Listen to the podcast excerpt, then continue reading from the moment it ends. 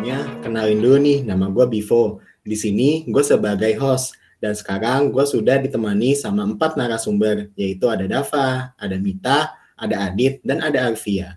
Kalau part satu tadi kan lebih membahas sosmed secara umum ya. Nah, pada part 2 ini akan membahas sosmed secara khususnya. Nah, gue akan memberikan 14 pertanyaan nih ke kalian. Dan nanti akan gue tunjuk secara acak siapa yang akan menjawab pertanyaan ini. Satu pertanyaan bisa dijawab antara 2 sampai 4 orang. Oke, daripada berlama-lama lagi, langsung gue mulai aja deh. Nah, untuk dua pertanyaan pertama ini, gue akan bertanya kepada Arvia dan Mita. Pertanyaan pertama, masa pandemi kayak gini nih, sosmed apa sih yang lagi sering kalian pakai? Uh, Oke, okay, boleh dari Arvia terlebih dahulu ya. Uh, kalau di masa pandemi ini, uh, paling sering gunain sosmed apa? Kalau yang pertama pasti WhatsApp ya. Kalau WhatsApp ini uh, soalnya info-info pembelajaran itu dari WhatsApp gitu. Kalau misalnya yang lain kayak uh, paling Twitter aja sih kak. Jadi uh, WhatsApp sama Twitter. Oke, okay. kalau Mita? Uh, kalau Mita sendiri sih WhatsApp sih ya, sama satu lagi mungkin tik sering TikTok sih. Hmm. Nah, lanjut ke pertanyaan selanjutnya ya. Uh, pertanyaan ini bakal gua tuju ke Dava dan ke Adit. Pertanyaannya yaitu, kalian tuh kalau main sosmed uh, berapa jam sih?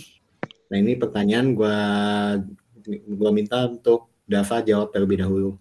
Oke, kalau buat gue sendiri sih tiap harinya tergantung ya. Kadang gue kalau misalnya hari biasa tuh sekitar ya paling lama mungkin tiga jam gitu. Tapi kalau misalnya weekend mungkin bisa kayak lima jam ya. Karena apa ya? Karena waktunya lebih free gitu. Jadi lu bisa nge-spend waktu buat di sosmed itu sendiri lebih lama gitu.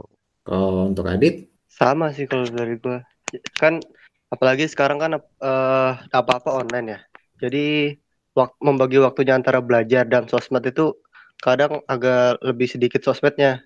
Jadi kemungkinan kalau hari-hari biasa ya sekitar 4-3 jam. Terus kalau weekend mungkin bisa 5 atau 6 jam.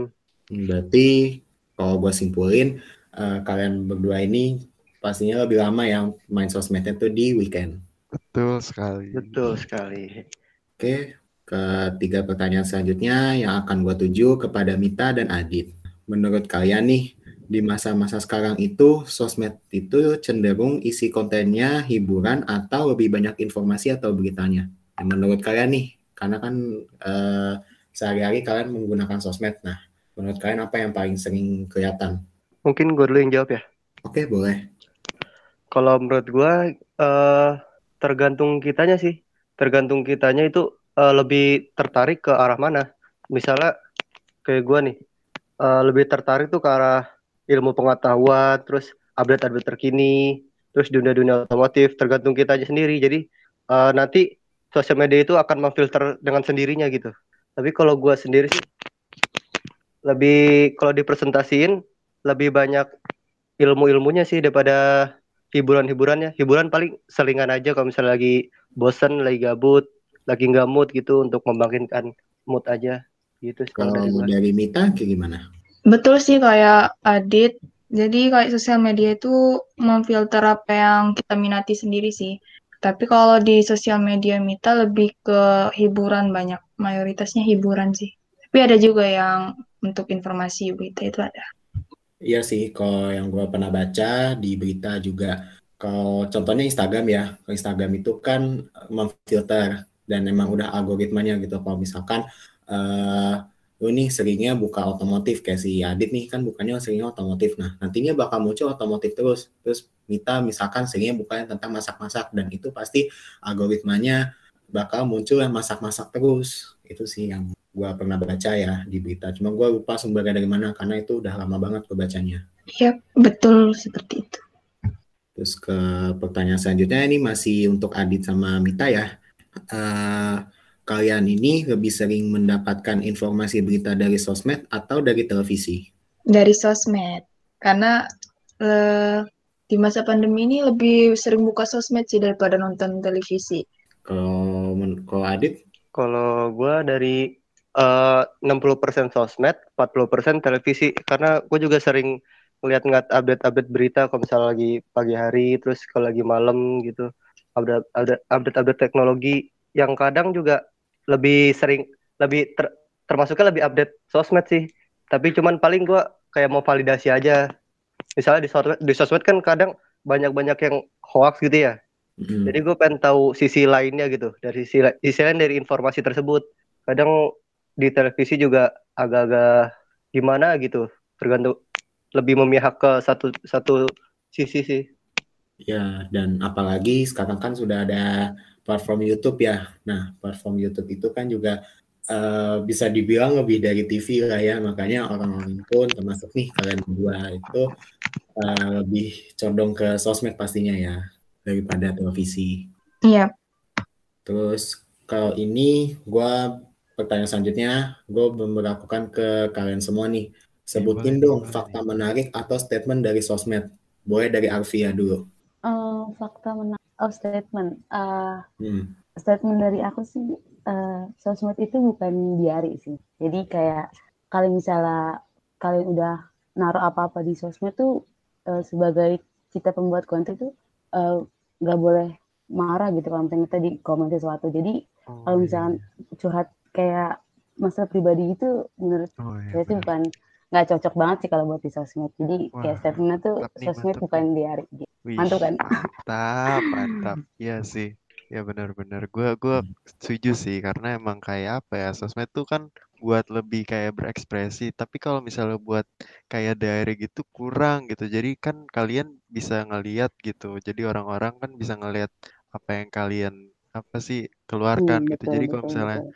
Masalah pribadi gitu gue rasa kurang pas gitu kayak ngumbar-ngumbar masalah pribadi. Jadi menurut gua lebih baik ya sosmed cuma buat kayak ya apa ya having fun gitu. Cuma kalau buat masalah pribadi menurut gua jangan deh guys. Itu sih. Betul, betul, betul, betul. Eh, tapi kan sekarang ada, gua ambil salah satu contoh dari Instagram ya, itu Oke. ada namanya close friend. Nah, Ah, kalau misalkan nih kita udah percaya sama temen nih, misalkan gua udah percaya nih sama Dava, udah sering ngobrol, udah sering curhat oke. apa. Nah, terus gua eh, pengen mencurahkan lewat sosmed tapi melalui close friend. Nah, kalau menurut kalian nih gimana? Kalau sistemnya kayak gitu?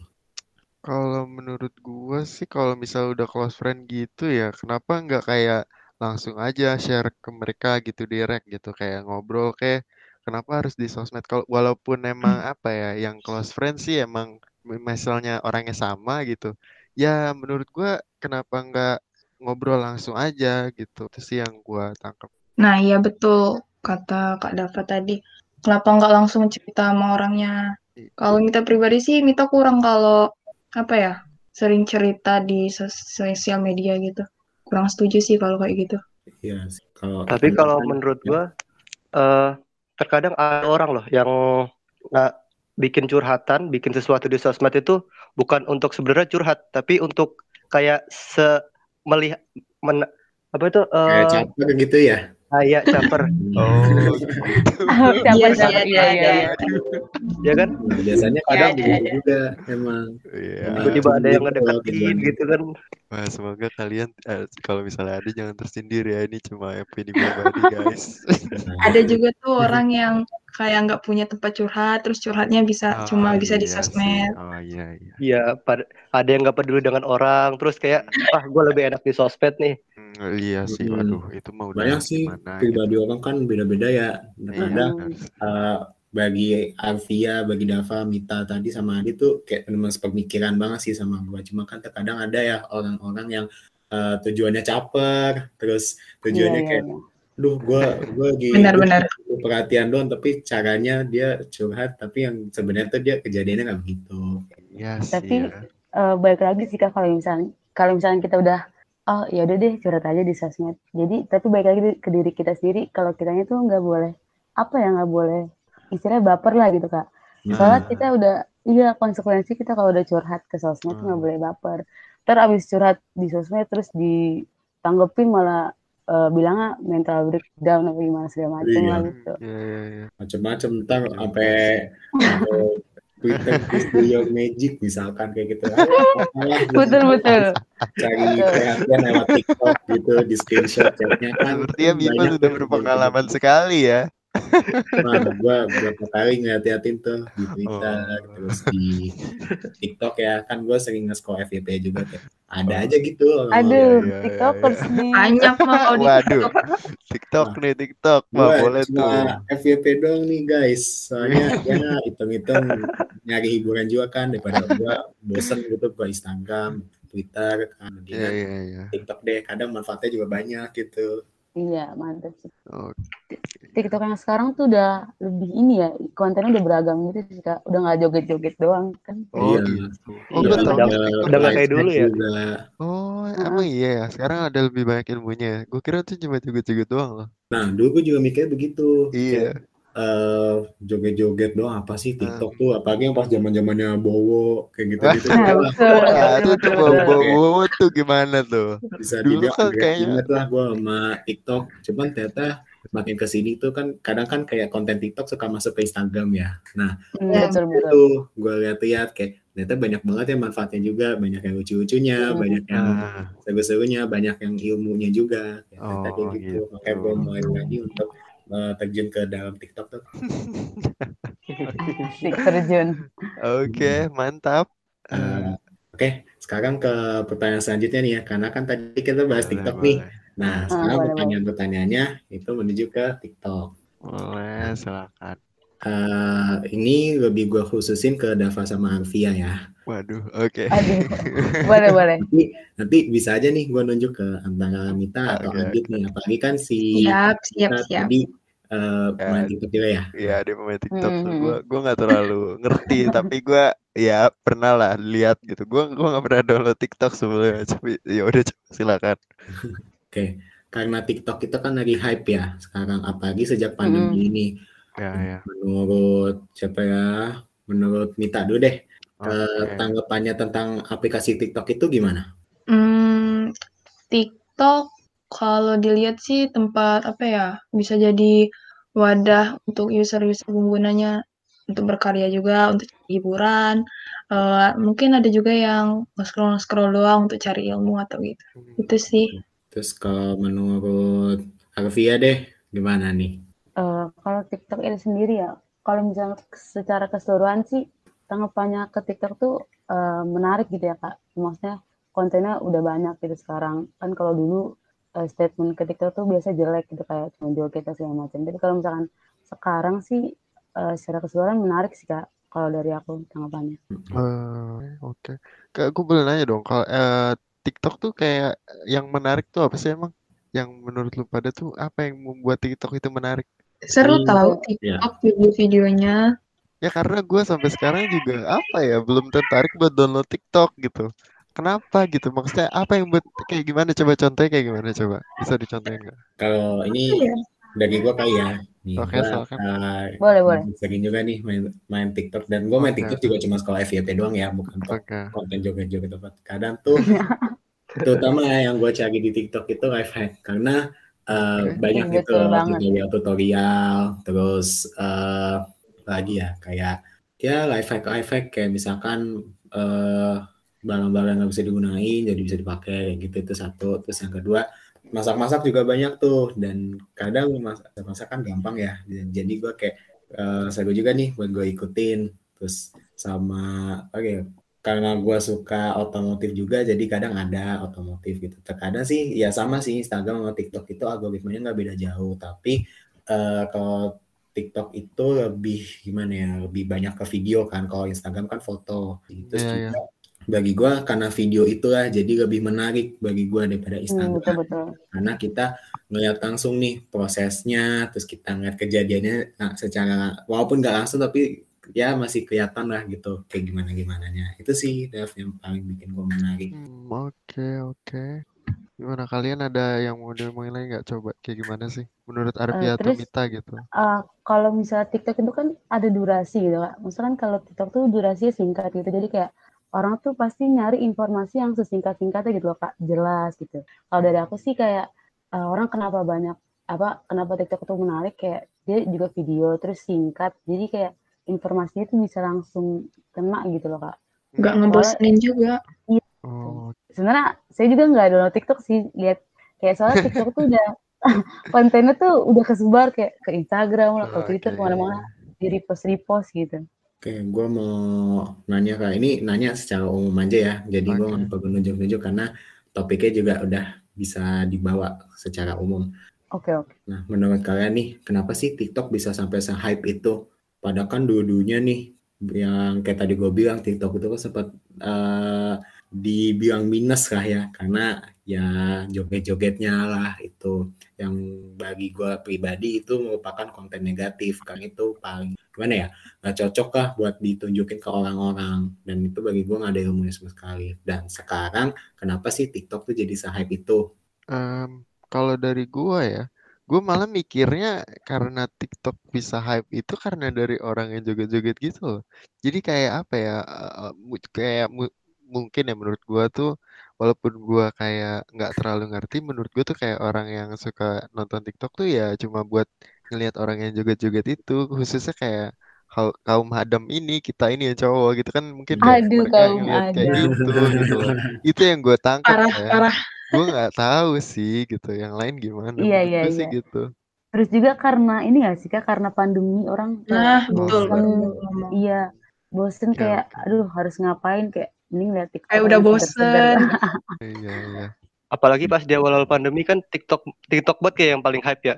Semua orang buat TikTok, semua orang Benar. joget gitu. Hmm, Dan kalian ingat gak sih Cari ada hiburan.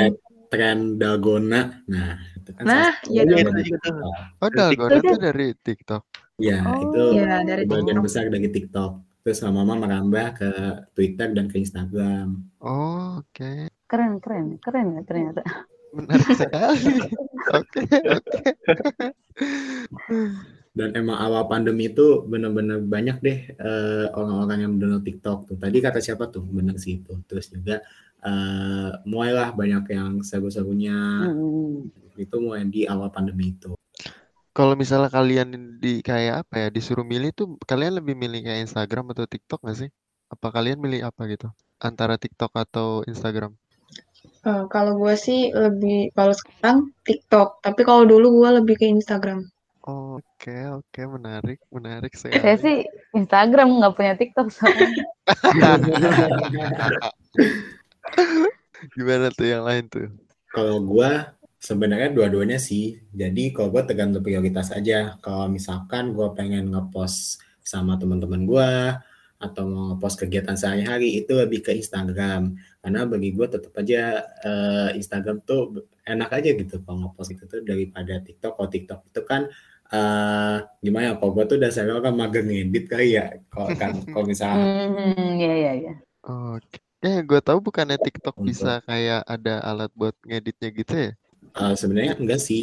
Oh? Kalau gua lihat paling cuma mode aplikasi. Salah satunya VN nama aplikasinya itu kalau gua lihat di TikTok. Oh, Itu oke. eh, modal itu aja sebenarnya bisa ngedit asal ya kreatif aja. Cuma kalau gua tuh nggak kenapa mager jadinya gua eh, lebih memutuskan untuk Instagram aja. Lagi pula Oh, Instagram juga filternya kan bagus-bagus. nah, Gua Hmm, iya iya iya. eh, lebih suka yang sederhana aja lah gitu. Pokoknya yang hmm, penting ngepost kegiatan sehari-hari atau kayak lebih ke momen sih. Kalau oh, kalau TikTok itu gue lebih ke hiburan aja atau mencari ilmu juga bisa di situ. mantap juga. Oke, sip. Gue mau nanya dong buat tanggapan kalian. Kan Apa nih? eh, sosmed itu kan pasti ada sisi baiknya, ada sisi gelapnya ya. Nah, Mm-mm. Aduh sisi tik- gelap. si- sisi gelap itu gimana sih? Gue belum pernah lihat deh sisi, sisi gelap TikTok gitu. Ada. Mungkin buat candu kali ya, buat Nah, kecanduan. itu candu tuh Oh. candu. Jadi lupa waktu itu bisa. Nah itu bener banget. Gue Nah, buka TikTok bisa sejam lebih. waduh, bisa asli. sejam Waduh. lebih coba itu. Itu ya kayaknya TikTok tuh kayak kalau lu udah apa ya nonton satu video langsung kayak ke bawah Iya, otomatis gitu ya.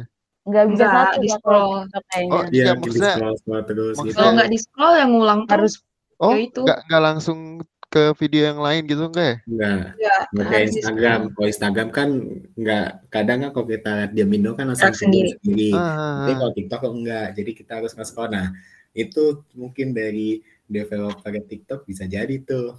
Kayak ya mereka bisa aja caranya biar hmm, eh, menarik perhatian kita sebagai pengguna. Jadi dibuat seperti itu video diulang terus kan kita nggak mungkin dong nontonin videonya terus kan. ah, Nah, ah. ya udah akhirnya kita scroll, lama scroll, scroll, scroll, scroll ketagihan deh. Oke deh, mantap. Terus tadi kan sisi gelap ya, ya selain candu juga, ya pasti ada dong ya tiap sosmed itu konten negatifnya itu pasti ada dan itu yang sisi gelap bisa gue bilang sisi gelapnya juga entah seperti ya ada unsur pornografi atau unsurnya mengandung sara itu ada aja gitu dan itu yang Hmm. benar-benar harus kita filter banget sih jangan harus sampai kita hati-hati. terprovokasi sama hal-hal seperti itu Wah, Jatuhnya semua sosmed kan ya kayak gitu ya. nah iya sih sebenarnya itu teruntuk semua sosmed sih Eh, pasti ada ada aja konten yang kayak menyimpang dan itu pasti sih ada. Tapi bukannya di sosmed itu ada kayak apa ya otomatis gitu ya kalau misalnya ini pasti langsung di delete atau gimana gitu. tergantung kebijakan sosmednya masing-masing Oh, kalau kayak. Instagram TikTok itu iya Eh kalau misalkan nih ya ada konten yang kasar misalkan konten mohon maaf pembunuhan atau apa kalau di Instagram Hmm, iya. itu disensor dulu nih di Oh, TikTok juga gitu. disensor dulu kalau mau ditonton di- kita klik watch anyway kalau di TikTok Oh, terus tapi kalau misalkan kita nggak mau nonton ya tinggal skip tapi kalau kayak di Twitter itu enggak kita nggak ada batasan sama sekali untuk menonton eh, konten yang menyimpang ya contohnya kayak tadi gue bilang misalkan ada konten soal pembunuhan misalkan di mayatnya dilihat bener-bener itu ya kita lihat itu mayatnya kayak gimana bisa Iya, bener iya, nggak iya. disensor dulu emang. Kayak emang nggak ada ya? kenapa Nggak nggak disensor dulu. Maksudnya di Twitter kayak you you want to watch this maksudnya anyway gitu Ya, nggak? Kalau misal di kalau yang aku tahu sih kak di Twitter tuh jadi eh, sesuai usernya kak bisa ngatur sendiri. Kalau misalkan kayak Oh bisa a- bisa ngatur ya sendiri ya. jadi Iya. tuh ada di fitur apa gitu. Jadi kalau misalkan kita mau eh, semua Oh konten itu kita bisa pencet eh, eh, lihat dulu atau skip gitu kak. Tapi kalau misalnya kita oh checklist gitu. misalnya semua konten tuh bisa langsung kebuka gitu. Oh, Oke Kalau oke yang aku tahu sih kalau Twitter tergantung usernya gitu. ya emang begitu Vi tapi Mm-mm. eh, jatuhnya lebih ini sih bagi gue lebih banyak negatif ya kayak gitu karena kan eh, Iya iya iya. kita be- bisa mengakses dong untuk melihat Mhm. eh, konten-konten yang seharusnya tidak untuk kita lihat dan kalau kata gue sih ya mending kayak Instagram atau TikTok jadi benar-benar difilter dari sananya gitu Oke oke oke. Mantap mantap. Tapi kalau kayak gitu kayak ngehalang orang buat beraspirasi nggak sih? Jadi kan kalau kayak Twitter kan itu kan orang bebas gitu mau ngomong apa aja, mau Mm-mm. berkata Iya apa aja, nyebar apa aja bebas. Kalau kalau sosmed-sosmed lain kan kayak Instagram, TikTok itu kan kadang bisa di-ban. Iya tapi Iya kan iya maksud iya. gue tuh juga kayak mungkin apa ya harus ada batasannya mungkin karena kalau misalnya nge-share yang biasa terus kayak itu di apa di di ban nah itu mungkin nggak wajar cuma kalau misalnya apa ya hate speech gitu kan menurut gue ya atau kayak menjurus kayak eh, asutan gitu kan menurut gue nggak baik gitu. Jadi menurut gue sih tergantung dari kontennya sendiri. Kalau misalnya emang dia kayak aspirasi boleh lah pasti maksudnya boleh. Cuma mungkin ada yang report gitu. Nah tapi kalau misalnya hate speech ya sudah sewajarnya sih di ban gitu Hmm. sih menurut gua Iya iya iya. Tapi kalau kalau di kenapa? Ah, mau nambahin yang tadi di Twitter. oke oke Kalau misalnya Twitter juga ada ini kita fitur mute word gitu. Jadi kalau misalnya kita kayak kita udah nge-mute word tentang pembunuhan. Jadi di timeline kita tuh udah nggak ada tentang pembunuhan gitu. oh gitu Iya bisa ya bisa kayak gitu Iya ada. oh wow Jadi nice nice sebuah kata misalkan mau Hmm. nge-mute kata Hmm. Kadafa nih nanti Kadafa nggak bakal muncul di di timeline. nggak bakal muncul tuh yang bawa-bawa Kadafa oh tuh nggak gitu muncul. oh iya iya bisa gitu ya di Twitter ya wah menarik Benci sekali amat tuh orang tuh. Gitu. nah eh gue lanjut ke pertanyaan selanjutnya ya oke silakan eh kalian nih yang user-user TikTok ada nggak sih dampak yang benar-benar kalian rasain setelah menggunakan TikTok? Nah, kalau yang bukan yang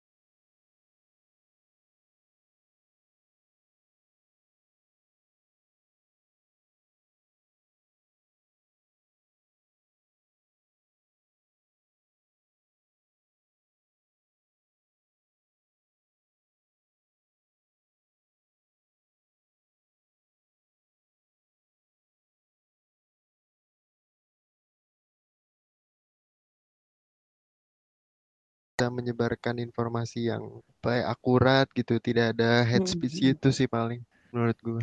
Iya. Kalau dari aku sih semoga sosmed itu bisa lebih banyak positifnya lah daripada negatifnya. Kalau bisa Hmm, benar. negatifnya nggak ada lah gitu. Kalau bisa. dari Mita atau Adit nih, dari Mita dulu deh, gimana? Sama kayak Arfi ya tadi, lebih semoga lebih banyak konten positif daripada konten negatif. Karena kan user sosmed juga bukan eh, semua usia ya, jadi mungkin banyak anak ta- takutnya dampak negatif jadi ke anak-anaknya. Oke, terus ke Adit nih gimana? Iya sih, gue juga eh, sependapat sama Mita Marvia. Apalagi kan sekarang kalau medsos itu bisa diakses oleh siapa pun ya. Dan zaman sekarang juga anak kecil pun udah bisa lihat sosmed. Nah itu sebenarnya bahaya banget. Contohnya di anak kecil di tetangga rumah saya itu kebanyakan eh, miris aja gitu. Anak kecil berkata kasar, terus joget-joget begitu karena dia ngelihat konten-konten yang sebenarnya bukan untuk umurnya dia. Ah, Lagu-lagu tentang yang berbau-bau sara lah, apalah itu kan sebenarnya bukan sebenarnya dia juga belum ngerti kan, tapi Hmm. tiba-tiba asal ucap gitu sebenarnya ngenes juga sih ngeliatnya. Harapannya sih ya semoga lebih banyak orang yang share konten positif, menyebarkan berita-berita baik agar generasi ke depannya itu jauh lebih baik. Udah sih itu aja. Dari pribadi gue ya, kalau untuk harapan sih ya itu, kayak semoga lebih difilter lagi untuk eh, konten-konten yang akan dimunculkan di sosial media, karena kan itu kayak tadi Adit bilang itu anak-anak kecil tuh banyak yang udah bisa akses sosial media sekarang, walaupun ada yang namanya fitur kids mode, tapi nggak semua handphone menyediakan fitur kids mode dan nggak semua orang tua eh, mengerti gitu hand- penggunaan handphone dan apalagi penggunaan kids mode itu tuh eh, masih banyak orang tua yang masih kurang paham. Jadi ya mereka memberikan eh, handphone ke anaknya ya untuk nga- buat hiburan aja gitu. Dan mereka nggak memfilter itu. Dan dan juga eh, sebagai orang tua tuh mereka juga kadang nggak mengecek dulu nih eh, nggak mengecek isi dari handphone sang anak itu. Kan bisa jadi isinya negatif atau apa kan. Dan eh, jadinya kan itu eh, timbul masalah baru ya masalah negatif juga itu Iya, iya, iya. Tapi sebenarnya eh, sosmed itu emang bukan untuk anak-anak nggak sih? Kalau Iya. menurut, ya kalau menurut yang lain gimana? sebenarnya kalau dari gue ya sebenarnya emang bukan buat anak-anak tapi namanya anak-anak itu kan gimana ya punya rasa penasaran yang mendalam Hmm, dan jadinya mereka coba-coba akses kan eh, dari zaman kita pas masih bocah-bocah aja tuh kita udah mengenal namanya Facebook kan nah itu tuh hmm, iya, iya, iya. dari situ aja tuh udah di udah kelihatan gitu bahwa emang eh, dari kita kecil aja tuh udah tahu gitu yang namanya sosmed. Dan ya ada beberapa orang tua yang memfilter tapi ada juga yang enggak. Makanya ya banyak anak bermain sosial media. Terus berarti kalau begitu menurut kalian kalau dampak Marah gitu. Jadi